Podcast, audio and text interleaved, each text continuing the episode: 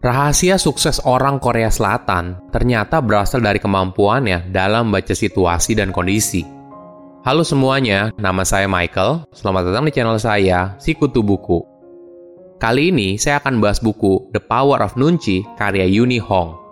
Sebelum kita mulai, buat kalian yang mau support channel ini agar terus berkarya, caranya gampang banget. Kalian cukup klik subscribe dan nyalakan loncengnya. Dukungan kalian membantu banget supaya kita bisa rutin posting dan bersama-sama belajar di channel ini. Buku ini membahas rahasia kebahagiaan dan kesuksesan dari orang Korea. Nunci adalah sebuah bentuk dari kecerdasan emosional yang bisa dipelajari oleh semua orang. Kemampuan ini akan membantu kamu dalam membaca situasi dan berusaha memahami apa yang orang lain pikirkan dan rasakan. Nunci telah digunakan oleh orang Korea selama lebih dari 5000 tahun. Saya merangkumnya menjadi tiga hal penting dari buku ini. Pertama, apa itu nunci? Beberapa sumber mengatakan kalau Korea telah diserang 800 kali sepanjang sejarah, kebanyakan oleh China dan Jepang karena lokasinya strategis. Lebih dari 70 tahun yang lalu, setelah Perang Korea, Korea Selatan merupakan salah satu negara termiskin di dunia, bahkan lebih miskin daripada mayoritas negara sub-Sahara di Afrika.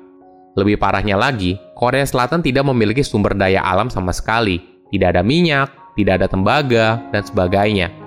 Namun sekarang, Korea Selatan masuk dalam jajaran negara terkaya di dunia dan juga merupakan salah satu negara dengan teknologi yang sangat maju.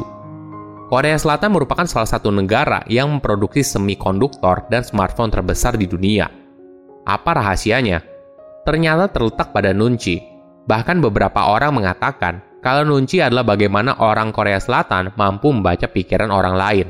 Tentu saja hal ini terlalu berlebihan. Nunci adalah soft skill yang bertujuan untuk mengukur pikiran, perasaan, dan kebutuhan orang lain untuk meningkatkan hubungan kalian berdua melalui kepercayaan, harmoni, dan kerjasama yang lebih mendalam. Nunci adalah bagian dari kehidupan sehari-hari di Korea Selatan dan diajarkan oleh orang tua kepada anaknya. Anak di Korea Selatan mulai belajar soal nunci ketika mereka masih sangat muda, bahkan ketika berumur 3 tahun. Biasanya mereka belajar dalam konteks yang negatif. Misalnya gini, jika semua orang berdiri di sebelah kanan saat di eskalator dan anaknya berdiri di sebelah kiri, orang tuanya langsung memarahi anaknya. Kenapa kamu tidak punya nunci? Hal ini bisa berarti dua hal. Satu hal berarti belajar untuk tahu sopan, dan di sisi lain, belajar untuk berbaur dalam lingkungan sekitar. Memiliki nunci yang kuat berarti kamu selalu sadar dan memperhatikan kata, situasi, gerak tubuh, ekspresi wajah, dan sebagainya. Ini sangat penting dalam budaya Korea Selatan yang merupakan masyarakat dengan konteks yang tinggi. Berarti, banyak komunikasi tidak berdasarkan pada kata-kata, tetapi pada konteks keseluruhan yang terdiri dari banyak faktor, mulai dari bahasa tubuh, ekspresi wajah, tradisi, siapa yang hadir, dan bahkan siapa yang diam. Di Korea Selatan, apa yang tidak diucapkan sama pentingnya dengan kata-kata yang diucapkan. Dan orang yang memperhatikan hanya kata-kata mendapatkan setengah dari pesan yang ingin disampaikan. Tetapi ini sama sekali tidak berarti kamu hanya membutuhkan kunci di Korea Selatan saja. Bahkan di banyak pertemuan yang penting, semakin banyak informasi penting tidak diungkapkan secara gamblang dan jujur. Kalau sudah begitu, kepekaan nuncimu pasti akan sangat membantu dalam situasi tersebut. Kedua, kenapa nunci penting? Apakah kamu pernah penasaran kenapa temanmu sepertinya punya keahlian dalam bergaul dan bisa mencairkan suasana? Atau kenapa rekan kerjamu yang kalau dilihat dari kinerja sebenarnya tidak lebih baik dari kamu, tapi kenapa rekan kerja tersebut lebih sering dapat promosi? Ternyata, benang merah dari orang tersebut adalah soft skill yang disebut sebagai nunci. Ini merupakan salah satu keahlian yang bisa membantu kamu dalam kehidupan di masyarakat. Menariknya, Orang Korea Selatan tidak berkata kalau kamu punya nunci yang bagus, tapi kamu punya nunci yang cepat. Artinya, kamu adalah orang yang tanggap dalam proses perubahan informasi sosial yang dinamis. Kelebihannya, mereka akan lebih mudah berbaur dan berhubungan dengan orang lain. Selain itu, mereka juga tidak akan terlihat tidak tahu apa-apa atau kelihatan tidak kompeten. Jika kamu punya nunci yang cepat, kamu akan tahu kapan kamu harus bicara, kapan kamu harus diam, dan sebagainya Intinya, kamu akan berusaha agar tidak menyinggung perasaan orang lain. Menariknya, nunci bisa dipelajari. Namun tentu saja, keahlian ini tidak bisa dipelajari dalam semalam.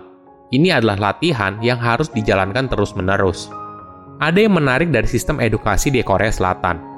Yun bercerita, saat dia sekolah dulu, murid tidak diberikan kesempatan untuk bertanya di kelas. Guru sengaja memberikan informasi yang kurang jelas kepada murid tentang peralatan apa yang harus dibawa ke sekolah dan di mana ujian akan dilaksanakan. Semua misteri ini bertujuan untuk melatih Nunci sebagai bagian dari pendidikan. Melalui latihan ini, murid dipaksa harus peka dengan sekelilingnya dan tentunya akan membantu mereka di masa depan. Salah satu contohnya yaitu membaca situasi. Misalnya, kamu baru saja masuk di tempat kerja yang baru. Lalu, kamu diundang dalam acara pesta kantor. Ketika kamu berada di sana, kamu melihat beberapa orang berkumpul dan sedang mengobrol. Di tengah percakapan, mereka semua lalu tertawa pada candaan yang sebenarnya tidak lucu. Namun candaan itu dilontarkan oleh seorang wanita yang lebih tua dan kamu tidak pernah lihat dia sebelumnya. Nah, apa yang kamu lakukan? Jika kamu punya nunci yang cepat, maka kamu pasti akan masuk dalam kumpulan tersebut dan ikut tertawa. Setelahnya, kamu akan mencari waktu untuk memperkenalkan dirimu di depan wanita tersebut.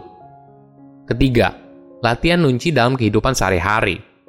Apakah kamu penasaran kenapa rekan kerja kamu yang kerjanya biasa aja tapi bisa cepat dapat promosi? Salah satunya mungkin karena dia memiliki nunci yang cepat. Ini adalah soft skill yang seharusnya kamu pelajari untuk bisa naik ke jenjang jabatan yang lebih tinggi. Kenapa begitu? Karena pada dasarnya, Komunikasi di kantor bukanlah komunikasi yang 100% transparan, dan ternyata banyak hal yang tersirat. Oleh karena itu, kamu perlu peka untuk bisa membantu kamu naik jabatan yang lebih tinggi. Misalnya begini, kamu mau minta naik jabatan kepada bosmu, namun kondisi perusahaan lagi sulit. Tentu saja meminta langsung kenaikan gaji adalah hal yang buruk. Ternyata kamu memperhatikan kalau bos kamu sepertinya kewalahan karena banyak proyek yang baru Bagaimana kalau kamu berinisiatif untuk mengajukan diri, mengambil tanggung jawab yang lebih besar, dan menjadi leader dalam beberapa proyek baru, sehingga beban pekerjaan bos kamu menjadi berkurang? Ini bukan hanya berguna untuk membantu bos kamu, di sisi lain, dia juga akan melihat kamu sebagai calon untuk naik jabatan yang potensial. Tips sederhana lainnya yaitu dengan melepaskan semua asumsi dan persepsi awal kamu. Dalam menilai seseorang atau situasi yang kamu hadapi, sebaiknya kamu harus melihat hal tersebut apa adanya tanpa memberikan asumsi di awal. Untuk bisa melakukan hal ini, maka kamu harus lebih banyak mendengar daripada berbicara. Ingat, kita punya dua telinga dan satu mulut. Artinya, kita harus mendengar dua kali lebih banyak daripada waktu kita berbicara. Komunikasi yang kita alami sering kali tidak jelas. Itulah sebabnya kamu butuh kepekaan dalam membaca hal yang tersirat untuk memahami maknanya secara keseluruhan. Silahkan komen di kolom komentar pelajaran apa yang kalian dapat ketika baca buku ini. Selain itu, komen juga mau buku apa lagi yang saya review di video berikutnya. Saya undur diri, jangan lupa subscribe channel YouTube Sikutu Buku. Bye bye.